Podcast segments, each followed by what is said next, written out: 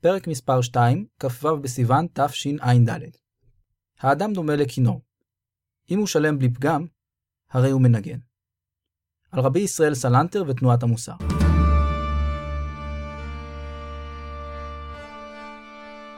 הסיפור שלנו פודקאסט על יהדות ויהודים.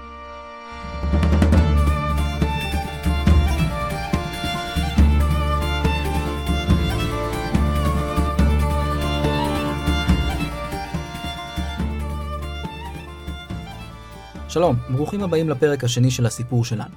למי שהצטרף אלינו עכשיו, נאמר בקצרה שהתוכנית הזאת עוסקת בנושא יהדות. אנחנו ניגע בעזרת השם בתחומים מגוונים. סוגיות הלכתיות, אישים וספרים חשובים, הגות, היסטוריה יהודית ועוד. בכל פרק נושא חדש. חלק נוסף מהסיפור שלנו. לי קוראים איתמר. בואו נתחיל. אז מהי תנועת המוסר?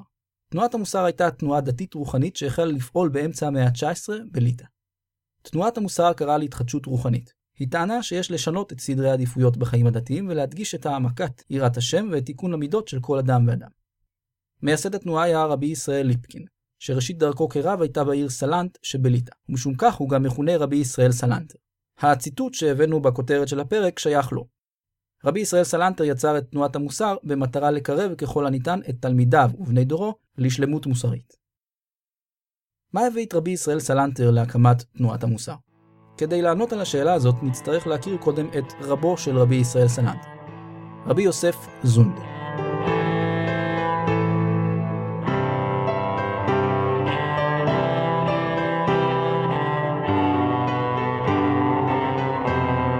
כלפי חוץ, רבי זונדל היה נראה כמו יהודי פשוט.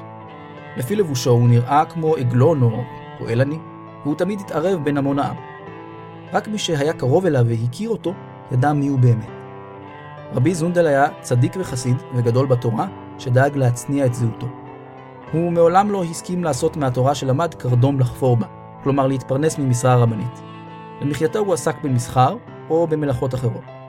הוא עבד רק במשך שעות מועטות ביום וחי בצמצום ובדוחק. את רוב זמנו הקדיש ללימוד. רבי זונדל היה חכם גדול בתורה וגם בקיא במדעים ובשפות.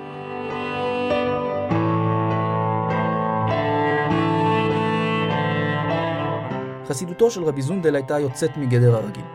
מספרים שמצאו אותו בלילה גשום אחד, רובץ בבוץ, ומרצף את הרחוב באבנים. הוא עשה זאת לכבוד אמו, שהייתה עוברת שם בדרך לבית הכנסת.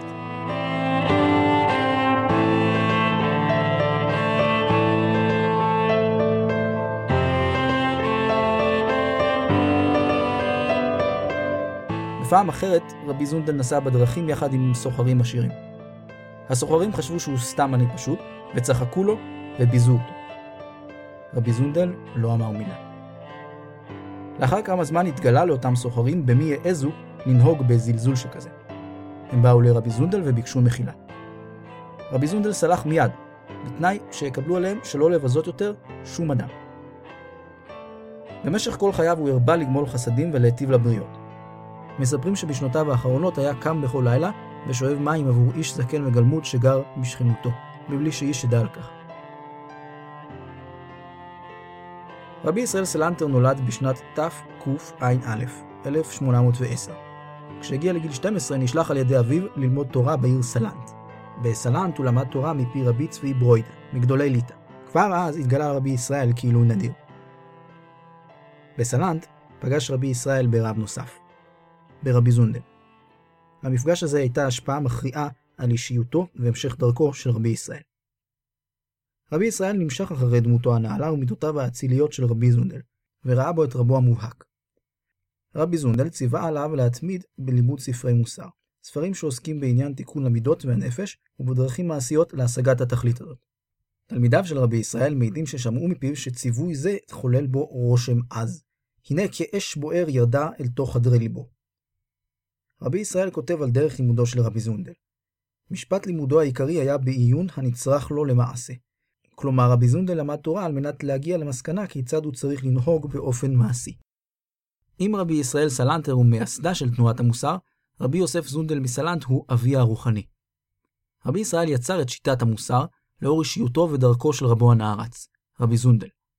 העיקר הגדול שהוא קיבל ממנו הוא ייחוד זמן ללימוד ושינון ספרי מוסר, על מנת להתחזק ביראת שמיים ובשמירת מצוות. אתם בטח שואלים, זה כל הסיפור? ללמוד ספרי מוסר? לשמור מצוות? ברור, כל יהודי מחויב להיות ירא שמיים ולשמור מצוות. מה החידוש הגדול כאן?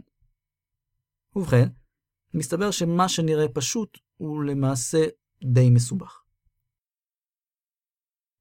סבא שלי, אברהם שטל, זיכרונו לברכה, מביא בספר שחיבר על מסכת אבות סיפור שמבהיר את העניין. בחגיגה שנערכה באתונה השתתפו המונים שבאו מכל ערי יוון. אדם זקן אחד חיפש מקום לשבת בו כדי לצפות בהופעות. הוא פנה לאזור שהוקצה לבני אתונה. כל המקומות היו תפוסים ואיש לא קם לכבודו. הזקן פנה אל האזור שבו ישבו בני ספרטה. הצעירים מבני ספרטה, שכיבוד הזקנים היה חלק יסודי בחינוך שקיבלו, קמו מיד והציעו לו את מקומם. למראה המעשה היפה הזה פרצו האתונאים במחיאות כפיים. אדם אחד שהיה במקום אמר בלעג, מסתבר שאנשי אתונה יודעים מה עליהם לעשות, אלא שהם אינם נוהגים כך. זה שאנחנו יודעים מה אנחנו אמורים לעשות, לא אומר בהכרח שאנחנו עושים את זה בפועל. למשל, כולנו בטח מסכימים שזה די עלוב לא לקום בזמן לתפילה בבוקר. אבל כשהבוקר מגיע, אנחנו מגלים לא פעם שבמהלך הלילה השמיכה והכרית פיתחו כושר שכנוע הרבה יותר חזק מהטיעון הזה. כבר חז"ל למדו על כך שידיעת התורה לא מבטיחה את קיומה בפועל. במשנה במסכת אבות נכתב, רבי חנינא בן דוסה אומר, כל שירת חטאו קודמת לו חוכמתו, חוכמתו מתקיימת. וכל שחוכמתו קודמת ליראת חטאו, אין חוכמתו מתקיימת. הוא היה אומר, כל שמעשיו מרובין מחוכמתו, חוכמתו מתקיימת. וכל שחוכמתו מרובה ממעשיו, אין חוכמתו מתקיימת. רבי חנינא בן דוסה מזהיר מפני מצב שבו לימוד התורה נשאר במישור התאורטי בלבד. כדי שהתורה תתקיים, כלומר, תמשיך להיות נוכחת ובעלת משמעות בחיינו, צריך לדאוג שבצד לימוד וידיעת התורה, יתקיימו גם יראת שמיים ומימוש מעשי של העקרונות והמצוות שבה. וכמו שראינו, זה לא תמיד קל. בהקשר הזה קיימת סכנה דומה נוספת. יש סכנה שהדת תאבד את מהותה הרוחנית ותהפוך לאוסף של טקסים פולחניים שאין שום דבר ביניהם ובין השאיפה לאמת, לצדק וליושר. יש חשש שאנשים יקיימו את מצוות התורה בבחינת מצוות אנשים מלומדה. כלומר, ללא כל הזדהות נפשית, מוסרית וערכית. כפי שנראה מיד, לסכנה הזאת יש קשר הדוק לרקע שבו צמחה תנועת המוסר.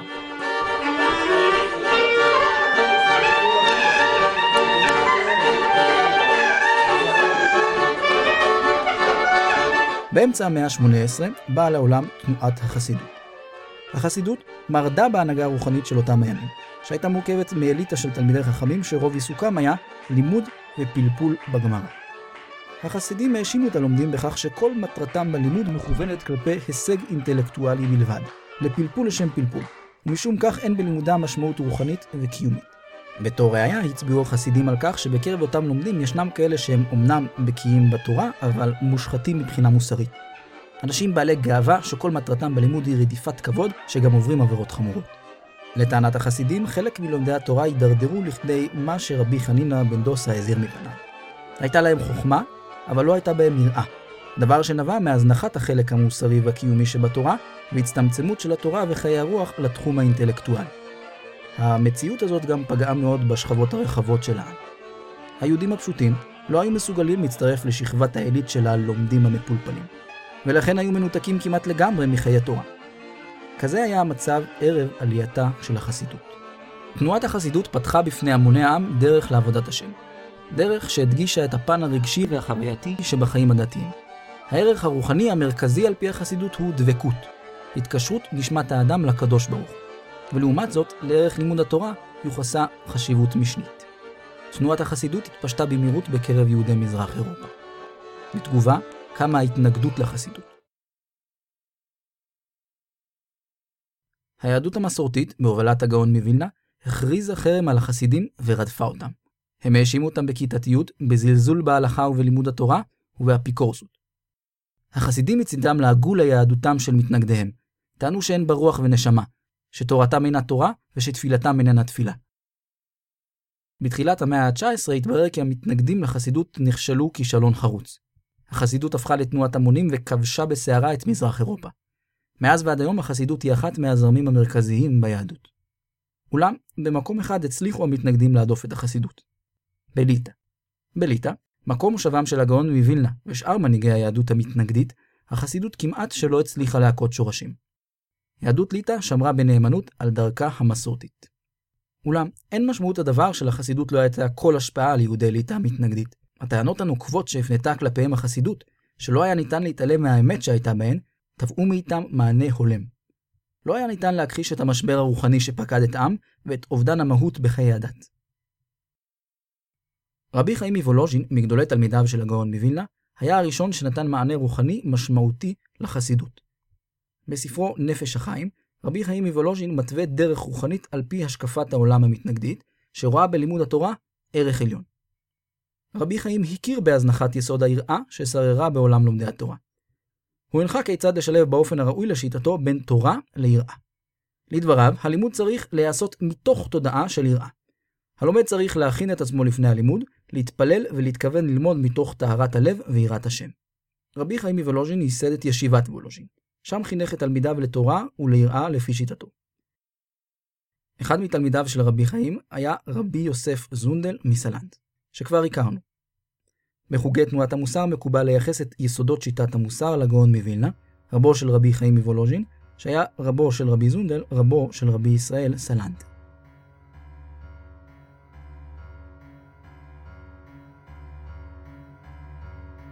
מה הייתה מידת ההצלחה של רבי חיים מוולוז'ין בתיקון המצב הרוחני בדורו?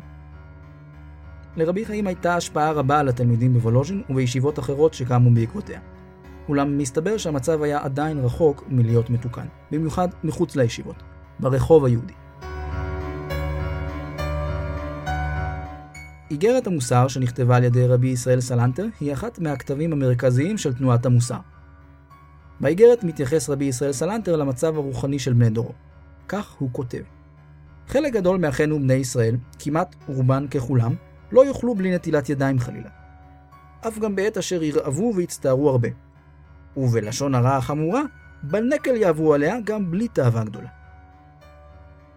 באופן דומה, ממשיך רבי ישראל, יהודים מקפידים מאוד על אכילת בשר כשר, אבל במשא ומתן הרבה רגילים לרמות ולעשות תחבולות, ובכך לעבור על איסור גזל. רבי ישראל מוסיף ואומר, ואנחנו רואים שבעוונותינו הרבים, אפילו הלומדים, וכמעט גם היראים, אינם נזהרים כיאות בלא תעשה הלזו.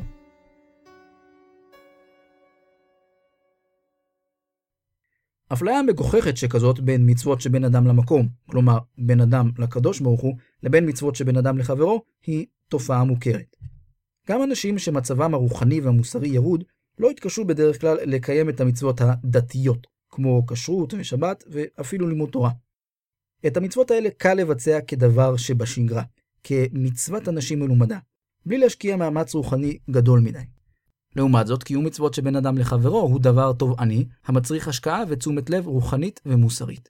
נדרשת עבודה מתמדת על המידות.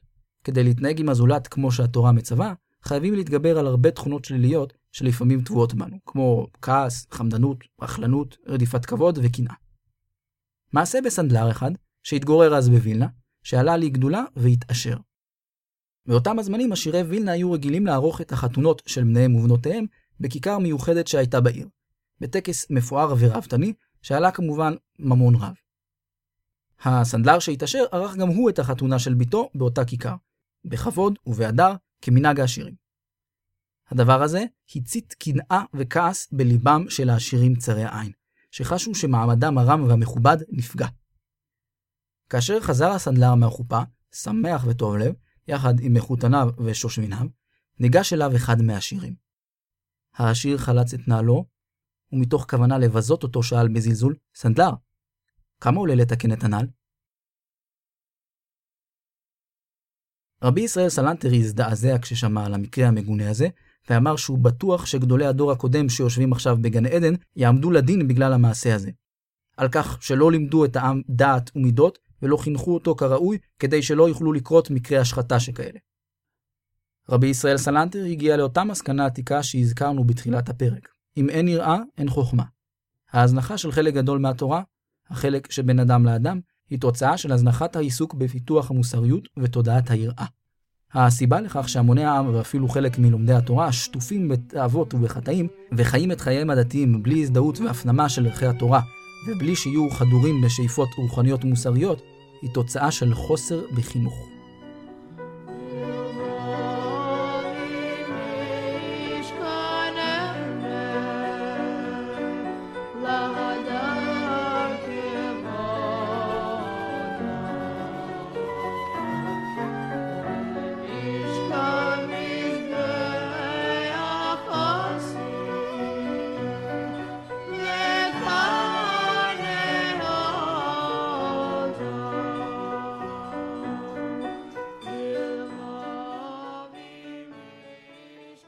רבי ישראל סלנטר שאף לחולל מהפכה רוחנית בדורו. על פעילותו של רבי ישראל להפצת המוסר ותיקון המידות מעם ישראל נספר עוד מעט. לפני כן נציין בקצרה גורם היסטורי נוסף שהביא לעלייתה של תנועת המוסר, והוא התגברות השפעתה של תנועת ההשכלה. במהלך המאה ה-19 החלה תנועת ההשכלה היהודית לצבור תנופה במזרח אירופה. חברי התנועה, שנקראו משכילים, אימצו את השקפת העולם של הנאורות האירופית, ועודדו רכישת שפות זרות, השכלה מדעית והשתלבות בחברה הכללית. תנועת ההשכלה גרמה לאווירה דתית פושרת ואף לנטישת הדת ולהתבוללות, בעיקר בקרב הדור הצעיר. רבי ישראל סלנטר וממשיכי דרכו ראו בשיטת המוסר כלי לביצור המסורת באמצעות העמקה והתחדשות רוחנית. בדרך זו קיוו להצליח להדוף את השפעות ההשכלה.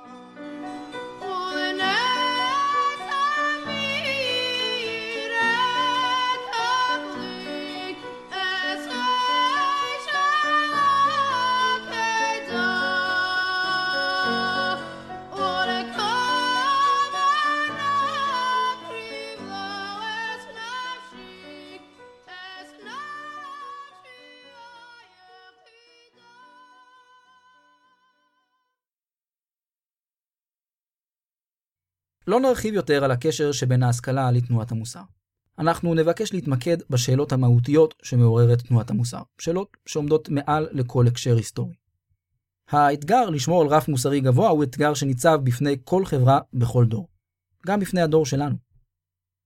איזה מסרים יש לה לתנועת המוסר שנוגעים אלינו, לחיים שלנו? כדי להבין את תנועת המוסר באמת, צריכים להבין שנושא הדיון הוא לא תנועת המוסר, אלא אנחנו. אנשים, כלומר אנחנו, חוטאים כל הזמן בהרבה חטאים קטנים ולפעמים גם בחטאים פחות קטנים. פוגעים במילים, מדברים לשון הרע, מרמים קצת, משקרים קצת, מתעצלים הרבה, מתעלמים ממי שצריך עזרה, מסתכלים ומסכנים אחרים בכביש, נוהגים באנוכיות ובחוסר התחשבות, מתנשאים על אחרים, מתרגסים וצועקים בלי סיבה מוצדקת, מתנהגים בקוצר רוח. איך דואגים שנשתפר? שנתגבר על החלקים הרעים שבנו? שננצח את יצר הרע, שנהיה יותר טובים, שנתקרב יותר לקדוש ברוך הוא, שנלך בדרכיו, שכמו שהשם רחום וחנון, נתנהג גם אנחנו ביותר חמלה. וכמו שהשם גומל חסדים, נהיה גם אנחנו גומלי חסדים.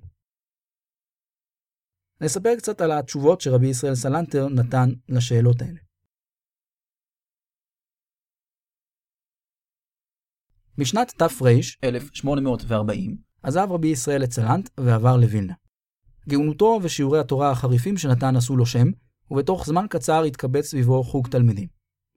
רבי ישראל סלנטר לא הסתפק בחינוך תלמידיו בלבד. בווילנה, שהייתה המרכז הגדול של יהדות ליטא, החל רבי ישראל בפעילות להפצת המוסר בקרב הציבור היהודי הרחב.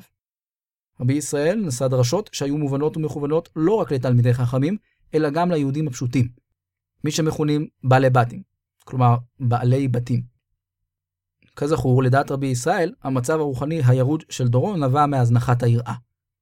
ההשקפה המקובלת אז בליטא הייתה שדי בלימוד התורה על מנת להתעלות מבחינה מוסרית. לעומת זאת, רבי ישראל תבע משומעיו להקדיש זמן משמעותי ללימוד מוסר. רבי ישראל ארגן לימוד מוסר לחבורות של בעלי בתים בין מנחה לערבית, וגם בדרשותיו שילב תמיד דברי מוסר והתעוררות. רבי ישראל גם יזם בווילנה הוצאה לאור של ספרי מוסר כמו תומר דבורה וחובות הלבבות. חידוש מרכזי שיזם רבי ישראל סלנטר היה הקמת בתי מוסר. בתי המוסר נועדו ללימוד מוסר. מדוע לא ניתן ללמוד מוסר בבית המדרש או בבית הכנסת? הסיבה נובעת מכך שלימוד מוסר הוא לא לימוד במובן הרגיל. נסביר. ספר המוסר החשוב והמרכזי ביותר הוא כנראה ספר מסילת ישרים שכתב הרמח"ל, רבי משה חיים לוצטו, במאה ה-18. כך כותב הרמח"ל בהקדמתו לספר. החיבור הזה לא חיברתיו ללמד לבני האדם את אשר לא ידעו, אלא להזכירם את הידוע להם כבר, ומפורסם אצלם פרסום גדול. הרמח"ל ממשיך ואומר שהמוסר מקובל ומוסכם על בני אדם, אבל בשעת מעשה הוא נשכח מהם. לכן אין תועלת בקריאה חד פעמית בספר, אלא התועלת יוצא מן החזרה עליו וההתמדה. כי ייזכרו לו הדברים האלה שנשכחים מבני האדם בטבע, וישים אל ליבו חובתו אשר הוא מתעלם ממנה. אולם לפי רבי ישראל סלנטר לא די בכך. לשיטתו, כדי להשיג את האפקט הרצוי מלימוד מוסר, צריך ללמוד בהתפעלות. הלומד בהתפעלות משנה לעצמו בקול רם ובניגון פסוקים וציטוטים בענייני מוסר בשפתיים דולקות, כלומר בכוונה עמוקה וברגש עז, במטרה לחקוק את הדברים בליבו ולהטמיע בנפשו פחד ויראה מפני בוראו. זאת לא פעילות שגרתית, ולכן בתי המוסר הוקמו במקומות מבודדים שאפשרו לעסוק בכך ללא הפרעה. העיקר בלימוד מוסר הוא העבודה הנפשית העצמית שמתלווה לו.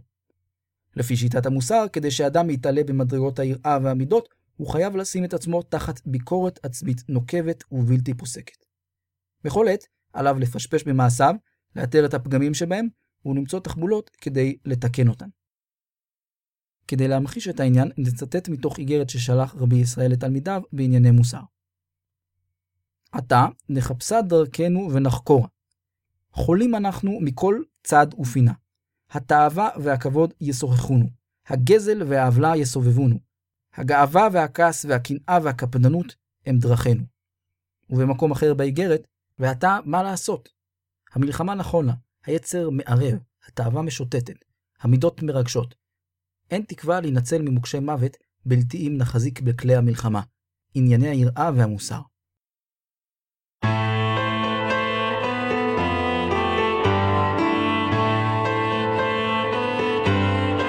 בוודאי שמתם לב לאווירה הפסימית שבדברים. הסיבה לכך היא התפיסה הפסיכולוגית של רבי ישראל לגבי נפש האדם. רבי ישראל סבר שבנפש האדם יש כוחות חיצוניים ופנימיים. לכוחות הפנימיים הוא קרא כוחות כהים.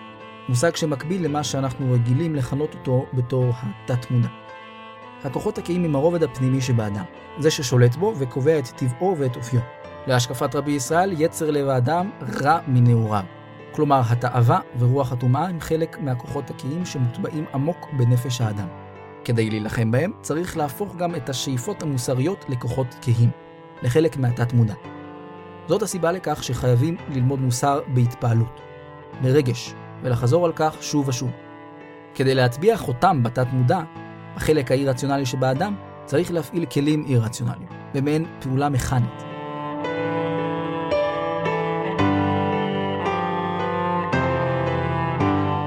רבי ישראל סלנטר הדגיש את החשיבות של החדרת יראת העונש ללב האדם, כלומר הפחד מפני העונש שיקבל על חטאיו בעולם הבא, בתור מניע נפשי לעבודת השם. יראת העונש היא כמובן לא ערך בפני עצמו, אבל רבי ישראל סבר שרק בדרך זו ניתן להשתחרר מהתאוות ויצר הרע שהם חלק מטבע האדם.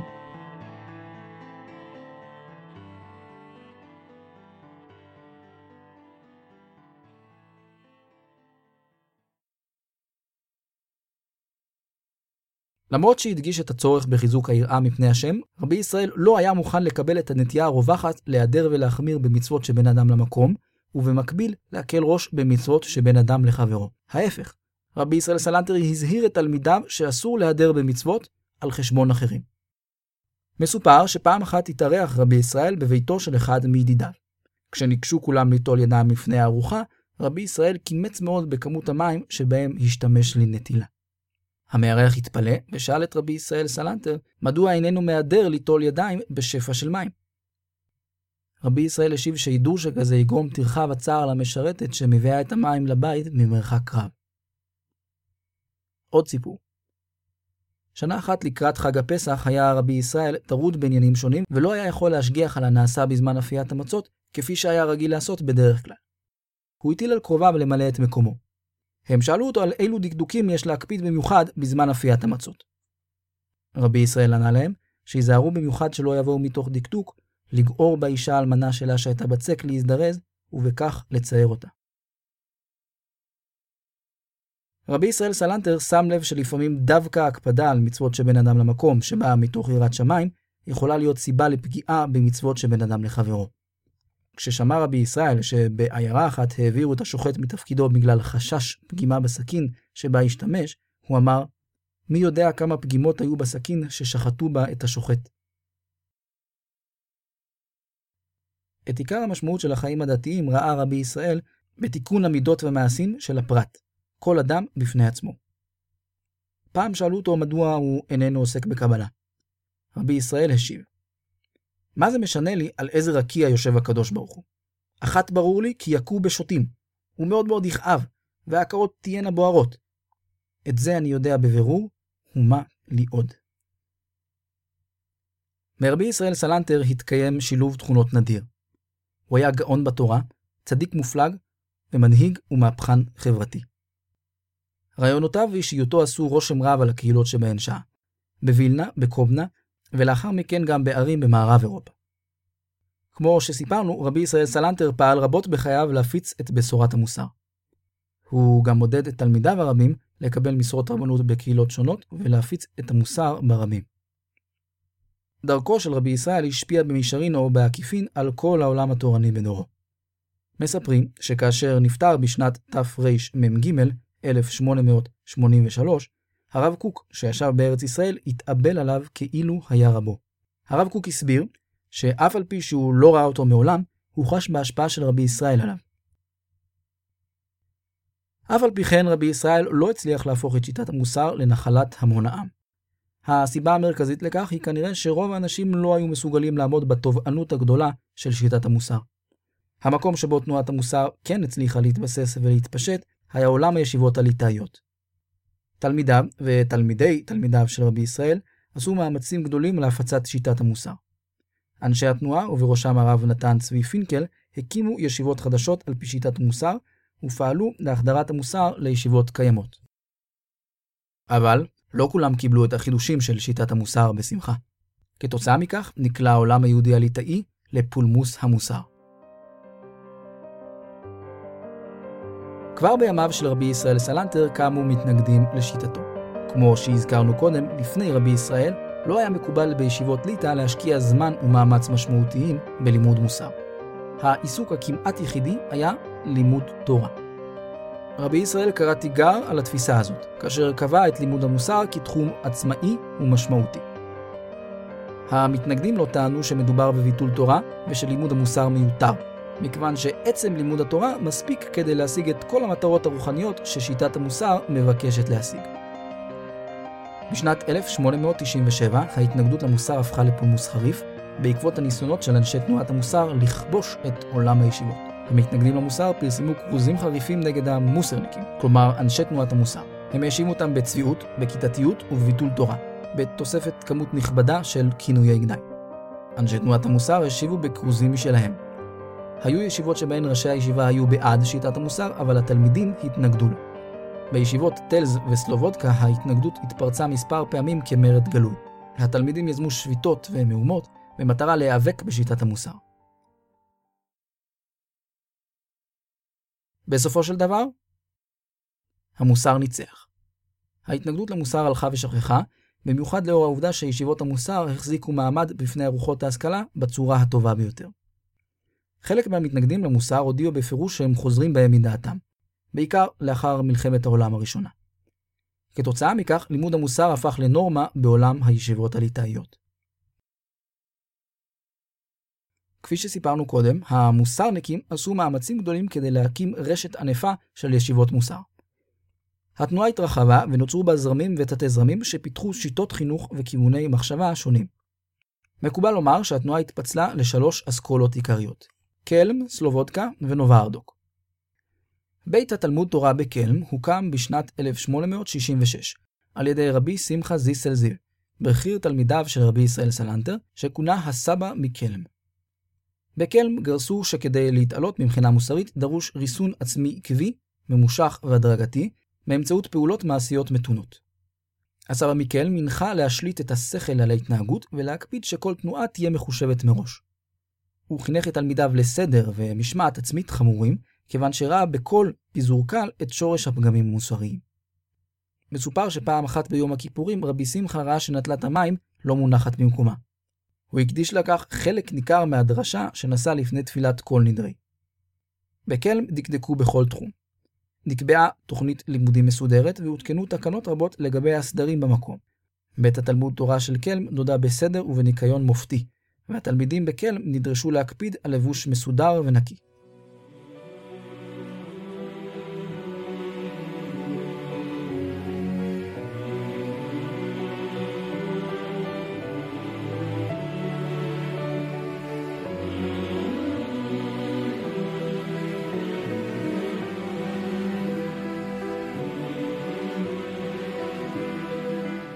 ישיבת סלובודקה נוסדה סביב שנת תרמ"א, 1881, על ידי רבי נתן צבי פינקל, הסבא מסלובודקה, שהיה תלמידו של רבי שמחה. סלובודקה היא הזרם המתון בתנועת המוסר.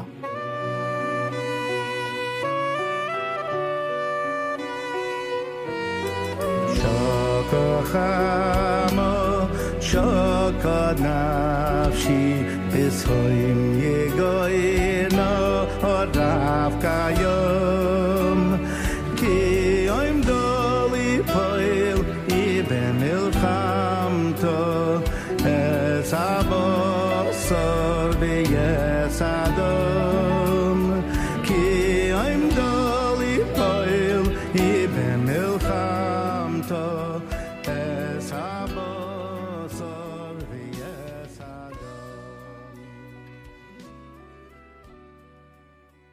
רבי נתן צבי לא דגל בריבוי ופעולות מעשיות לחיזוק המוסר. הערך המרכזי שהודגש אצלו הוא גדולת האדם. רבי נתן צבי סבר שאם האדם יגיע להכרה שכלית מלאה של ערכו הרוחני, הפגמים והשיבושים שבו ייעלמו מעליהם. הרעיון הזה מופיע גם אצל חז"ל. אין אדם עובר עבירה, אלא אם כן היא נכנסה בו רוח שטות. רוב המידות והמעשים המגונים נובעים מקטנות דמוכין, מצרות אופקים רוחנית. הדרך להתרומם מעליהן היא להשריש בנפש שאיפות רוחניות נשגבות. תפיסת גדולת האדם בסלובודקה הייתה ניכרת גם בהופעה החיצונית של תלמידי הישיבה. תלמידי סלובודקה הסתובבו מגולחים, עם מקלות הליכה, לבושים בחליפות מודרניות ובכובעים אופנתיים.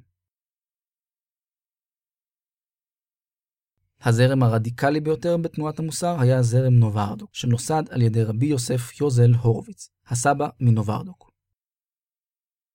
רבי יוסף יוזל היה רגיל לומר שאי אפשר ליהנות גם מהעולם הזה וגם מהעולם הבא.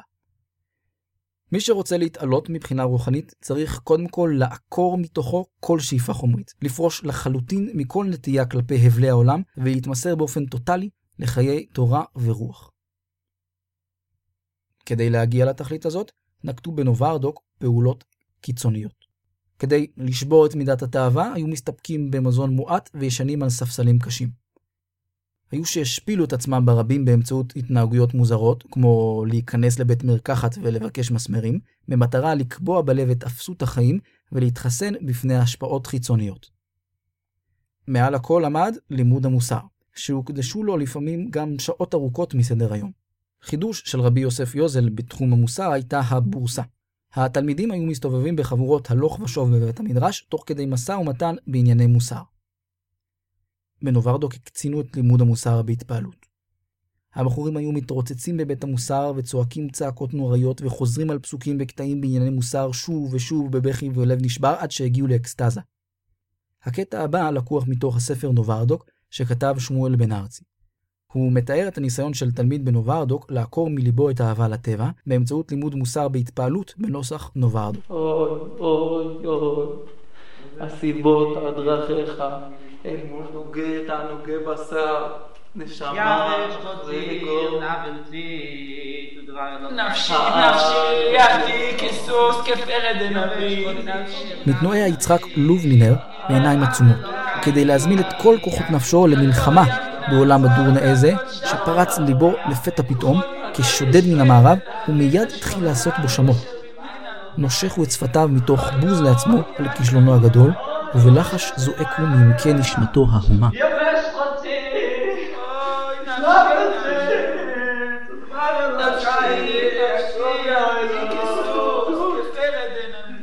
מעלה הוא לפני עיניו את מראות הטבע בכפרו, את שדות התבואה הירוקים באוויר והזהובים לעץ קיץ. ומיד אחר כך, את היובש והקמילה והריקבון, וחוזר ומיילל.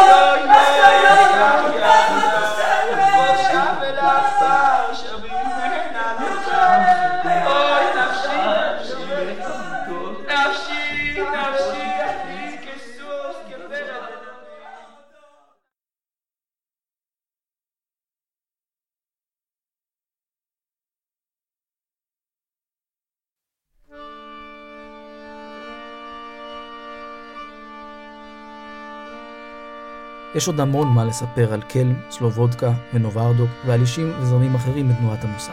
על רבי יצחק פלזר, רבי אליעזר גולדון, רבי נפתלי אמסטרדם, על ישיבת מיר, ישיבת טלז, ישיבת לומז'ה, על הרב אליהו דסלר, אבל אנחנו צריכים לסיים. ישיבות המוסר עברו טלטלות רבות מזמן מלחמת העולם הראשונה. לאחר המלחמה, הישיבות השתקמו והוסיפו להתפשט ולהתפתח. בשואה חרבה יהדות אירופה ובתוכה ישיבות המוסר. לאחר השואה הן הוקמו מחדש, בעיקר בארץ ישראל ובארצות הברית. אבל רוח המוסר המקורית אבדה. לימוד הגמרא הפך שוב לעיסוק הבלעדי, והמוסר נדחק לשוליים. עם זאת, לתנועת המוסר היה תפקיד חשוב בעיצוב דמותה של הישיבה הליטאית. גם לאחר השואה המוסר המשיך והשפיע בגלגולים שונים על עולם הישיבות הליטאיות עד היום. אלו רק ראשי פרקים. מי שמעוניין בהרחבה בנושא מוזמן לשמוע את סדרת ההרצאות של דוקטור בנימין בראון על תנועת המוסר באוניברסיטה המשודרת. קישור לשם נמצא בפוסט של הפרק באתר truestory.net. אפשר לשמוע שם גם על הביקורת שמתחו הוגים חשובים כמו הרב סולובייצ'יק והחזון איש על תנועת המוסר. מן הסתם, גם לכם הייתה הסתייגות מחלק מהדברים ששמעתם. מן הסתם, בעיקר בחלק על נוברד. אנחנו רגילים לסגנון חיים הרבה יותר נינוח וסלחני. רחוק מהתובנות של תנועת המוסר. אבל לא היינו רוצים לראות מסביבנו אנשים מופלאים כמו רבי זונדל ורבי ישראל? אנחנו מסוגלים בכלל להיות כמותם? ואיך?